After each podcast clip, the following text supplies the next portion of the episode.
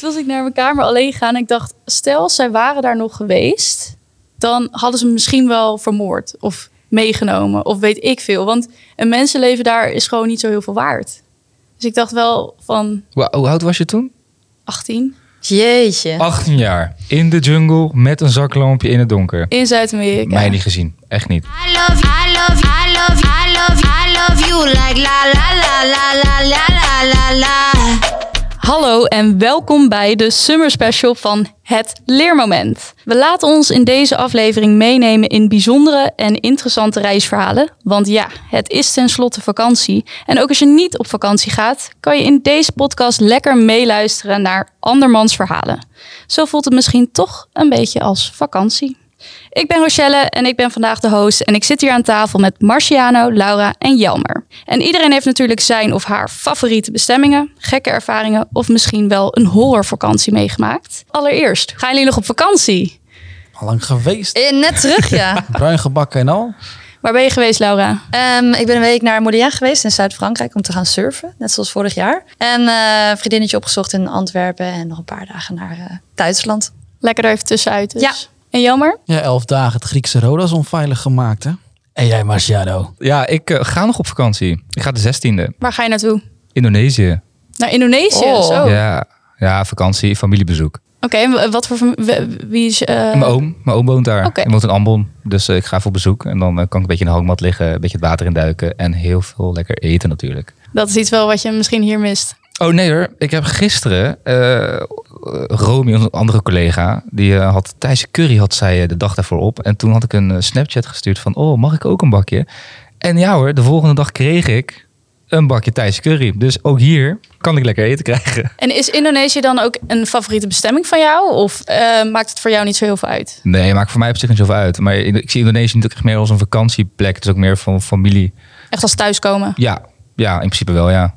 En Laura, heb jij dan een favoriete bestemming? Ja, eh, ik vind meerdere landen fantastisch natuurlijk. Maar daar waar ik de meeste eh, ja, toffe herinneringen heb opgedaan was in Vietnam. En dat is gewoon omdat ik voor het eerst solo ging reizen, een maand lang. En eh, ja, helemaal vanaf het noorden naar het zuiden trok. Dus als ik iets nog een keer zou willen bezoeken, dan is dat. Maar dan met een motorrijbewijs. En dan zou ik het nog een keer opnieuw willen doen. Oh, wat vet. Oh, cool. Heb je daar ook gekke dingen meegemaakt in Vietnam? Want het is best wel, het is een heel ander land. Eh, niet vergelijken met hier. Ook een stuk goedkoper. Ja, Chaotischer. Ja, klopt. Nou, ik heb wel één keer dat ik eh, over straat liep en dat iemand zei: Hé, hey, eh, je duwmandje van je slippers kapot. En ik was een beetje overrompeld. Dus ik zeg: Oh, eh, wat dan? Hij pakt zo mijn slipper en hij begint het te maken. Hij begint dingen uit te snijden, rubber eronder te plakken. En voor ik het wist, was, dacht ik: Shit, ik zit in een scam. Ik moet betalen nu, weet je wel. Dus nou, vroeg hij heel veel geld, maar ik heb het uiteindelijk stellig kunnen zeggen: Je krijgt er max zoveel eh, euro voor. 4 euro was er volgens mij. En eh, toen ben ik er nog wel mee weggekomen met een beetje een boos eh, gezicht. Ja, dat was heel bijzonder. En verder, ja, ik denk dat de gekste dingen die ik heb meegemaakt... is eerder in Cambodja gebeurd. En wat is daar gebeurd dan? Nou, ik zat vast op een eiland. Er was storm op zee. En ik merkte dat ik last kreeg van mijn borst. En eh, voor ik het wist was er ja, sprake van een borstinfectie. Dus eh, En alles hoe was... kan je dat oplopen dan? Uiteindelijk eh, bleek het dus zo te zijn dat de zand waarschijnlijk onder mijn bikini het open heeft geschuurd. En dat er een bacterie ingekomen is. En eh, ja, het werd helemaal rood. Ik kreeg koorts. Ik zat vast op, op een eiland waar ik niet vanaf kwam. Dus ik kon geen hulp krijgen. En ik moest me eerst een nude sturen naar mijn huisarts om te laten zien hoe het eruit zag thuis. En die zei van, ja, jij moet echt serieus aan de antibiotica zo snel mogelijk. Dus dat was wel heel eng. Hoe lang heeft het geduurd voordat je weer van dat eiland afkomt? Nou, we hadden de hele dag gewacht tot de laatste ferry zou komen en die kwam maar niet. Dus toen moest ik overnachten in een, eh, een hostel die net geopend werd. Dus er was een eh, heel feest aan de gang en ik lag daar doodziek op bed. En eh, de volgende ochtend eh, kon ik wel uiteindelijk de eerstvolgende ferry pakken. Maar dat was toen nog niet zeker. Dus ja, je wist gewoon niet zo goed waar je aan toe was en of je geholpen werd. Hele nacht zweten, bibberen, koorts, hoofdpijn. Ja, het was echt wel eh, spannend. Jeetje, wel een heftig verhaal. Ik heb ook een keer vastgezeten bijna op, eh, op een terugreis van Lombok naar Bali toe. Toen stormde het ook heel erg. Toen ging de ferry ook niet. En toen moesten we met een heel groot soort vrachtschip. Dat was dan een andere optie die je kon doen. En er was gewoon niet zo heel veel. Maar ja, vliegen. Maar ja, dat kostte natuurlijk heel veel geld. En toen eh, hebben we op zo'n vrachtschip gezeten waar je niet op kon zitten. Je had geen stoeltjes of iets. Voelde je dan niet een soort vluchteling of zo? Nou, wel een beetje. En uiteindelijk, het duurde ongeveer twee uurtjes eigenlijk. Maar we kwamen daar in de haven aan en het was al drie uur verder. En toen hebben we nog iets van vijf uur op de boot moeten wachten, omdat we niet konden aanmeren. Maar er werd ook niks verteld. Zeg maar in Nederland wordt verteld, van, nou dit is er gaande. Maar in het buitenland, dan roepen ze gewoon niks om. Je wacht maar en je bent een soort van aan je lot overgelaten. Ja, nou, ik heb ook één keer, als ik dat nog kan mag vertellen, eh, was ik in een vliegtuig. En toen zeiden ze, toen we al in de lucht waren, ja, er is iets mis met de motor. En we moeten landen. Alleen, er zat zoveel benzine in dat we niet mochten landen. Dus we moesten eerst anderhalf uur lang in de lucht benzine verbranden voordat we mochten landen. En toen we gingen landen kwamen we allemaal... Ja, dat, Ja. niet duurzaam, nee. Ja, maar toen pas mocht je landen, want anders riskeer je dat het breekt als je landt. Is dat zo? Ja, ja, en er kwamen allemaal brandweerauto's op ons af eh, toen we geland waren. Dus dat was ook wel spannend. Nou, ik zou echt kapot gillen gewoon als, als ik in een vliegtuig zit en er wordt even omgeroepen. Ja, eh, er is iets mis met de motor. Ik denk dat ik gelijk al bericht aan sturen ben naar, naar mensen. Hey, ehm, het was leuk je te leren kennen. Bedankt. Eh, hey, sorry dat we twee jaar ruzie hebben, maar ik mis je of zo. ik zou gelijk al dankberichten gaan sturen. Ja. ja.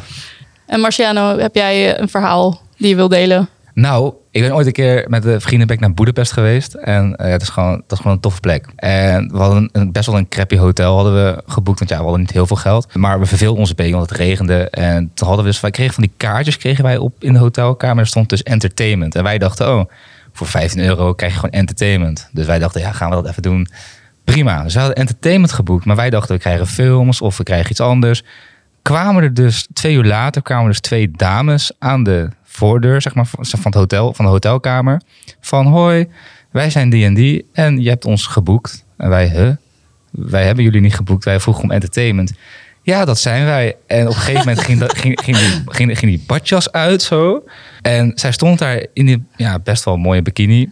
Maar Belangrijk. ja, maar ik wist gewoon niet wat ik moest doen. ik, ik wist gewoon niet. Ik dacht van, moet ik nou je mee naar binnen nemen? Gaan we ergens naartoe? wat, moet ik doen? En eh Achie dan, was een van mijn maten, die stond achter mij. En die, die, dat was zeg maar de oudste van ons. En die vond het helemaal geweldig. Die zei, kom maar mee, gezellig. Ik heb een bank, ik heb een tv. En wij dachten, nou, we geven ze gewoon een Achie mee. Maar het bleek dat je dan in Boedapest entertainment van die... Het zijn gewoon coupons. Dat kan je gewoon bellen en dan komen ze gewoon aan je deur. Dat is gewoon inbegrepen in je prijs. Dat ik dacht van, huh? Dus het hotel geeft jou gewoon twee dames. Heel Wat raar. voor, wat voor hotel was dat? Ja, ergens in de Achterwijk of zo, ja. Ik wil net zeggen, dat is niet heel normaal. Wat heb je dan voor vrouwen? Als er dan een groep vrouwen komen, komen er dan opeens heel veel mannen? Heb je daar dan coupons voor? Weet ik niet. Ik heb er ook niet naar gekeken. dus die denk ik, oh, zou dit ook iets zijn voor mijn beste vriendinnen of zo? Of, Eh, eh, nee, moeten wij nee, nee. eh, een keer daar naartoe gaan? Ik weet niet of ik dat wil. Nee, ik ook niet. Nee, nee, ja, maar het is daar wel spot goedkoop gewoon. Dat merkte ik wel gewoon. Ik, denk, ik voelde me daar wel gewoon rijk op een gegeven moment. Ja, ja.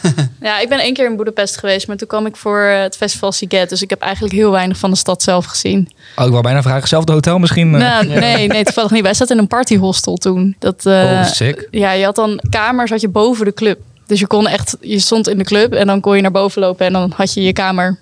Dus ik, weet- ik, weet- ik, ik heb één keer gewoon goede kamers gehad. En de andere keer dacht ik bij mezelf van, wat doe ik hier? Dus zo'n zo'n horrorkamer. het was geen aanrader dus. Nee, ja, maar ik ben best wel bang in het donker. En als dan opeens het licht uitgaat, ja, nee, ik ben gewoon weg. Ik laat ook alles liggen. Ik laat iedereen in de steek, mijn vrienden. Ik ren gewoon weg. Ik vind het gewoon niet fijn. Nee. Weet je, als het dan een lamp uitgaat, dan ja, ik ren naar de gang op en daar is nog licht. En dan kom je terug. Nee, nee, gewoon niet. Ik slaap in in de lobby of zo. Ik vind het gewoon niet fijn. Maar je, je vindt hotels over het algemeen wel gewoon, dat, dat boek je wel vaker dan een, hostel bijvoorbeeld. Ja, zeker. Ik wil wel gewoon een eh, gewoon een goede kamer. Ja. En dan ik betaal net even iets liever meer dan iets minder. Dan want ik 100% zeker weet, dit vind ik goed. En Jelmer, want ehm, over hotels gesproken. Ik heb gehoord van bronnen dat jij wel eens mensen hebt gered uit een kamer. Klopt dat? Dat was drie weken geleden, ja. Dat was drie weken geleden, toen Ja. op je vakantie. Ja, we zaten in een hotel. Dat was een beetje Russian roulette wat voor kamer je kreeg daar. Je had hele goede kamers en je had kamers dat waren een beetje celblokken. en wij hadden gelukkig een goede kamer. Maar mensen die later aankwamen... Dat, toen zaten wij buiten te chillen in de avond. En toen zagen we dat mensen met een zaklamp ergens naartoe werden begeleid. Wij dachten het is gewoon een kelder of zo. Is niks voor. Marciano dus. Nee, niks voor. Het was pikken donker daar. En het zat ook maar één raampje in, het in die slaapkamer daar. En er zat een boom voor. Dus dat was het al niet. Daarbinnen in die kamer waren overal spinnen en spinnenwebben en ongedierte. Vieze bedden. Een kast waar een bureau voor stond, waardoor je niks in die kast kwijt kon. Ook. Maar goed, die mensen kwamen wij tegen bij het zwembad eh, half huilend. En die vroegen hoe onze kamer was. En toen zei nou, die van ons is wel goed. Hebben we laten zien. Hebben ze foto's gemaakt. Zijn ze naar de receptie geweest. Hebben we tennis geschopt met z'n allen. En die man kon dus blijkbaar geen Engels. Oh god. Die zei, ja, tomorrow, tomorrow. En de dag daarna weer proberen. En uiteindelijk heeft het twee dagen geduurd. En hebben ze een andere kamer gekregen. Maar eh, ja, dan zie je maar wel dat het alle kanten op kan gaan met hotelkamers. Ja, het is toch altijd een verrassing hè, van wat je boekt. Want je kan die sites ook niet altijd vertrouwen. Maar goed. Doen jullie aan een bucketlist? Of vinden jullie dat heel overrated?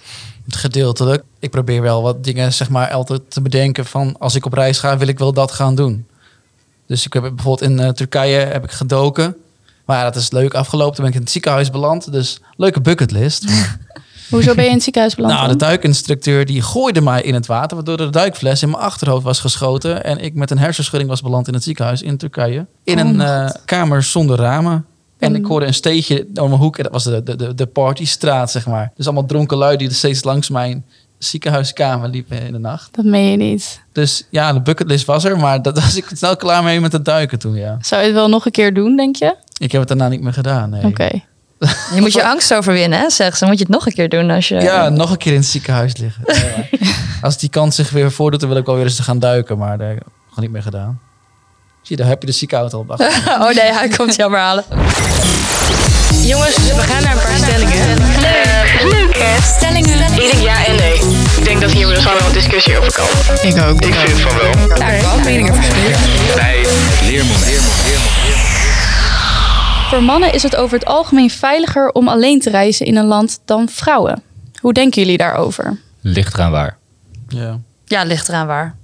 Ik denk wel dat als we het over alles betrekken, hè, kan ik me voorstellen dat dat zo is. Maar in Thailand bijvoorbeeld hoef ik mij niet zorgen te maken dat mij iets overkomt. Dan voel ik me heel veilig, heel toeristisch, heel backpackersvriendelijk. Nou, ik heb eerder bijvoorbeeld als je naar een islamitisch land gaat, Ja. Dan voel ik me denk ik als vrouw iets minder veilig. Ook omdat je daar een andere verhouding hebt Ja. tussen man en vrouw. Dus dan heb ik wel zoiets van, hm, ik zou daar minder snel naartoe gaan. In India is bijvoorbeeld zo'n chaotisch land. Ik denk dat het voor mannen als toerist ook heel onveilig is. Maar toch denk ik, hm, misschien is het voor vrouwen daar nog onveiliger, omdat daar een hele markt voor is. Ja, ja, dat is waar. In vrouwenhandel en dat soort dingen. Maar ik herken het wel. Ik voel me ook minder veilig om eerder hè, naar Marokko wil ik al heel lang gaan. Eh, maar je hoort soms horrorverhalen in Marrakesh zelf. Ja, Even goed, Latin dus America. ik heb ooit een, een aflevering gezien van een comediant. En die, die zei, als je echt wil blenden in de cultuur van Marokkanen bijvoorbeeld, moet je gewoon doen alsof je de taal spreekt. Oké, doe Gewoon eens. doen. Nee, ik kan geen Marokkaans. Maar als je zeg maar, dat- ik heb dat ooit een keer gezien. Ik, ik heb dat mijn broertje ook een keer zien doen. Dan als je dan bijvoorbeeld in Spanje bent of zo. En, dan, en ik kan geen Spaans, maar dan doe je gewoon alsof je Spaans gaat. En dan, eh, als je dan boos bent op de markt, ga je gewoon schreeuwen. Temperament of zo ja, misschien. het is geen toerist. Dus dan denken ze gewoon dat je een van hun bent. Ja, het is wel fake it till you make it dus. Ja, eigenlijk wel. En ik denk dat het dan misschien toch meer in je hoofd zit. Dat ik denk, oh, ik ben hier niet bekend, dus ik voel me heel erg toerist. Maar dat het voor anderen misschien helemaal niet zo lijkt. Het is ook wat je Ja. uitstraalt, denk ik, naar de omgeving. Als je heel erg angstig overkomt, dan ben je ook denk ik wel sneller een doelwit voor zulke dingen. Terwijl als je heel zelfverzekerd rondloopt daar, en inderdaad wat je zegt, gewoon een beetje doet alsof je daar thuis hoort, dan denken mensen ook van, oké, laat maar, daar ga ik niet eens naartoe. Ja, en je hebt dan natuurlijk ook nog de cultuurverschillen waar je dan op de hoogte van moet zijn. Van oké, zelfs in Duitsland of in Zweden of Noorwegen of nou ja, een heel ander land zoals Vietnam, daar heb je gewoon grote cultuurverschillen. Ik merkte toen ik in Engeland studeerde, ik heb daar vijf maanden mijn minor gedaan. En zat er een eh, Japanse jongen bij mij in de flat. En die was heel afstandelijk altijd. En wij waren dan met de andere flatmates waren we heel close en gezellig en een biertje drinken. En voor hem was dat heel anders. Hij was dat helemaal niet gewend. Dus wel altijd, hij was altijd een beetje stil en op de achtergrond. Hij vond het wel leuk, maar hij blendde niet echt in. Dus dan merk je toch dat daar een heel groot verschil in zit. Dus ik denk als je naar een land gaat en je wil proberen om daar soort in te blenden, dat je daar ook rekening mee moet houden.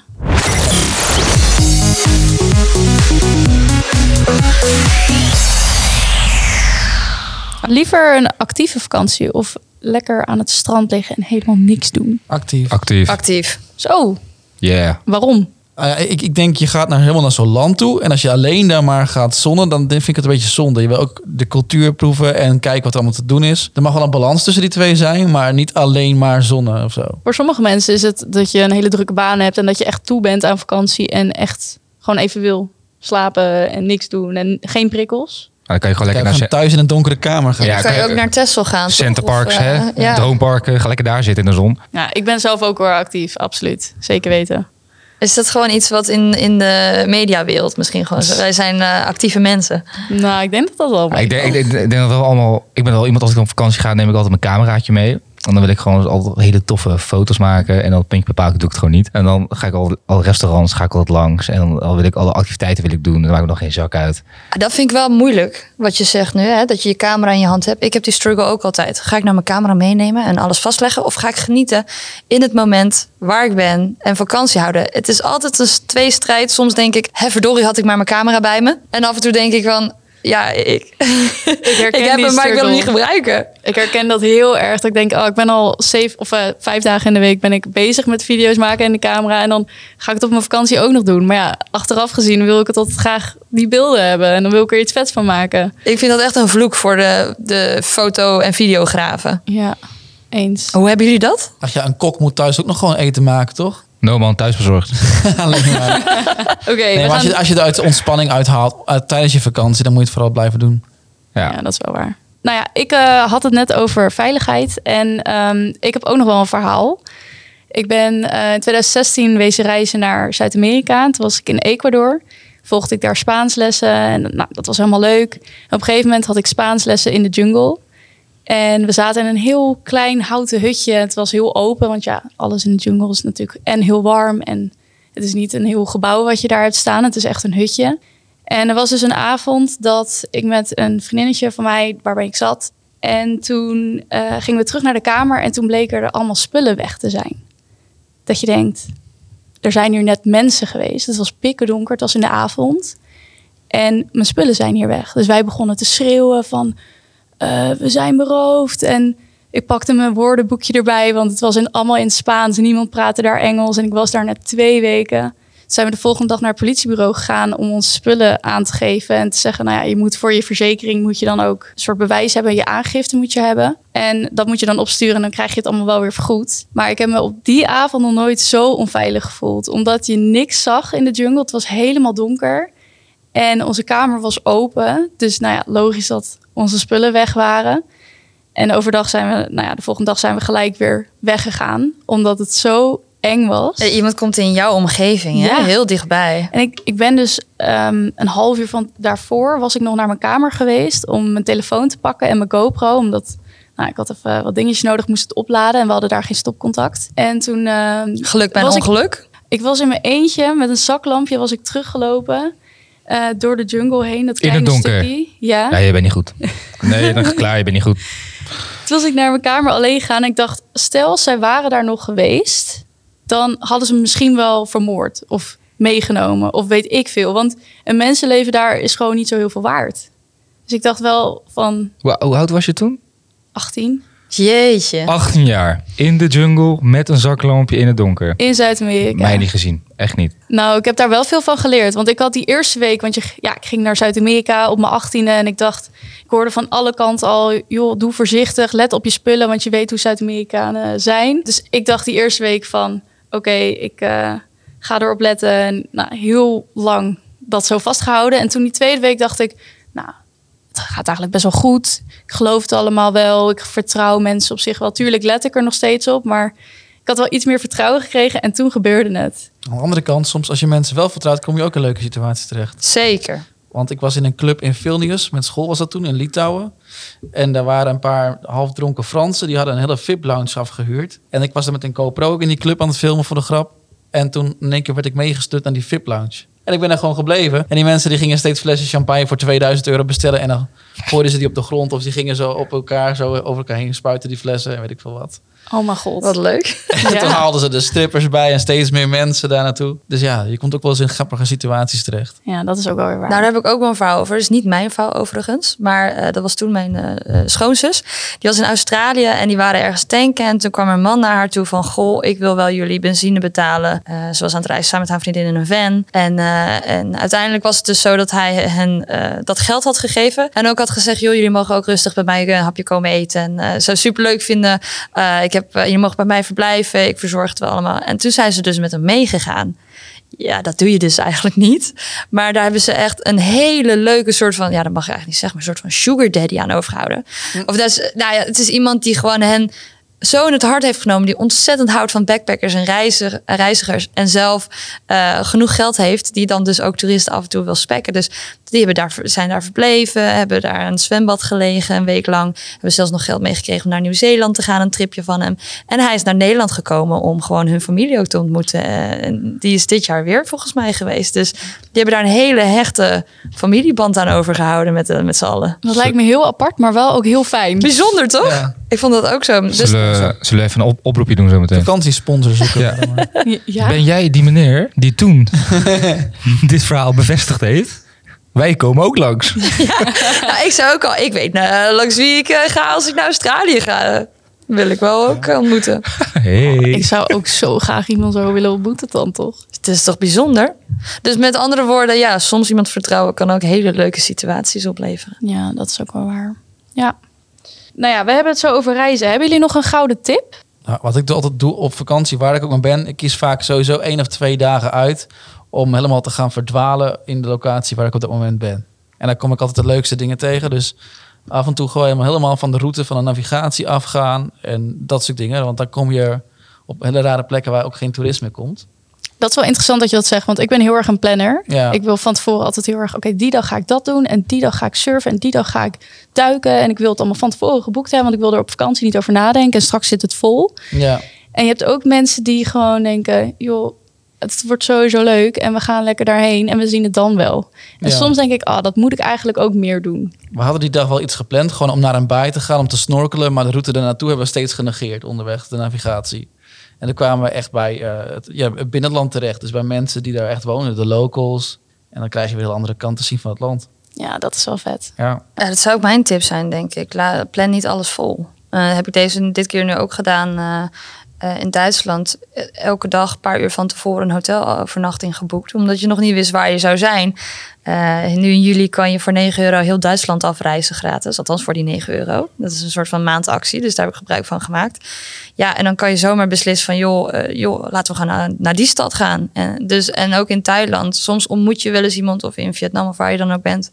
En die vind je zo chill, zo aardig. En dan als zij je dan uitnodigen om mee te gaan naar het noorden, terwijl dat jij eigenlijk van plan is naar het zuiden te gaan.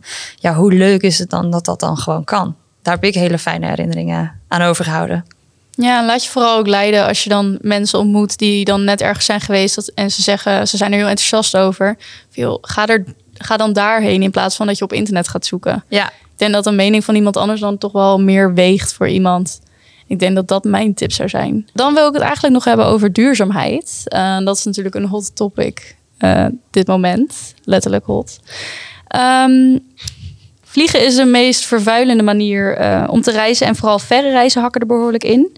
En bij sommige reisorganisaties kun je kiezen voor CO2-neutraal te vliegen. Dus dan betaal je iets extra's. Hoe denken jullie daarover? Doen jullie dat? Zeker niet. Ja Nee. ik ook totaal niet. Maar Nee. ik, ben- Ben verdomme ziek voor geld kwijt? Nee, nee echt niet. Doe ik niet. Vaak Nee. is het maar een heel klein bedrag. Hè? Het is maar Ja, iets maakt van me, 4 geen, euro. maakt me ja. geen zak uit. Nee. ja. Ik, als ik kan besparen, dan doe ik het. Maar ik ga niet extra betalen om nog eens eh, CO2 eh maar wat doen ze ermee? Ja, dat is denk ik de vraag. Van eigenlijk is het heel vaag van wat doen ze er dan mee? Ik denk op het moment dat ze dat zouden uitleggen van joh, eh, hè, wij planten dan bomen daar of iets. Dat je dan eh, eerder geneigd bent om dat te gaan doen, dat je een beter beeld hebt van waar gaat het naartoe. Ik heb wel gehoord dat het heel vaak voor mensen is om een beetje hun schuldgevoel af te kunnen kopen van dat ze krijgen als ze vliegen. Dat ze dan denken van nou, ik heb in ieder geval die 4 euro gegeven, dus dan voel ik me minder schuldig om te vliegen. Maar ik ga Terwijl- toch met mijn dikke kont naar Hawaii. Hè? Ja, dat. Ja. Ja. Daar is het een beetje voor. Net zoals die knoppen van die, van die smileys bij het eind van een wc-bezoek of zo. ja, hoe was het? Ja, dan, is even zo'n, dan voel je je weer goed, terwijl er niks mee wordt gedaan vaak. Ja. Nou, ik weet niet of dat zo is. Een Of soort, van, een soort van die spelletjes, weet je. Van, eh, dan, dan, dan zit je te mikken en dan weet je gewoon 100% zeker. Het is, het is in de pot, het is niet ernaast. Maar dan zit er gewoon wel een onbewuste reden achter. Maar ja, voor dat vliegtuig, ja, weet je... Het is misschien meer als je duurzaam wil zijn, dan vlieg je gewoon niet. Nou nee, ik denk dat wat, Laura zegt, van als, jij, eh, als ze iets meer context geven wat ze ermee doen, dan ga je er ook bewust over nadenken. Kijk, eh, beloof je mij van, joh, van die 4 euro gaan we jaarlijks, wordt er een nieuw, weet ik veel, een bos gemaakt of zo ergens. En Precies. eh, we supporten dat of we gaan investeren in de natuur. Dat, dan zou ik zeggen, oké, die 4 euro maakt me geen zak uit. Maar ik weet niet waar die 4 euro naartoe gaat. Is dat een soort van fooi voor de stewardess of zo? Dat kan ook, hè? Ja. Ja, Ja, eigenlijk ik- ik- mist er een ik- zinnetje achter doneer. Want dan kunnen we dit ermee doen. Ja, Ja. Als dat ingevuld is. Maar Laura, zou jij dan wel bereid zijn om er dan een bijdrage te geven? Ja, ik denk dat ik meer getriggerd ben eh, om daaraan bij te dragen. Omdat ik denk, oh, dat past heel erg goed bij mijn belangen of doelstellingen. Of waar ik waarde aan hecht. Ja, ik doe het zelf ook niet hoor. En ik ben best wel bezig met duurzaamheid. En ik doe het ook niet. Ja, het is echt heel slecht. Maar ik snap heel goed jullie punt. Ja, maar je kan het Nou, compenseren. zit heel hard te lachen. Zeg het eens, Marciane. Wat gaat er door je heen op dit moment? Ja, maar het is wel heel komisch. Dus even, ik vind duurzaam echt heel erg belangrijk. Maar ik doe het zelf niet. gaan ze Zelf ook. En dan gaan ze ons vragen. Wel vakantie. Ja, maar ik doe, ik doe het eigenlijk ook gewoon niet. Nee. En het punt is ook, die alternatieve reisopties, die zijn er wel, zoals een trein en dergelijke. Maar vaak duurt het extreem lang. Dan ben je soms twee dagen onderweg om op dezelfde bestemming aan te komen waar je normaal binnen een paar uur bent. En het is ook heel duur. duurder. Ja, dat.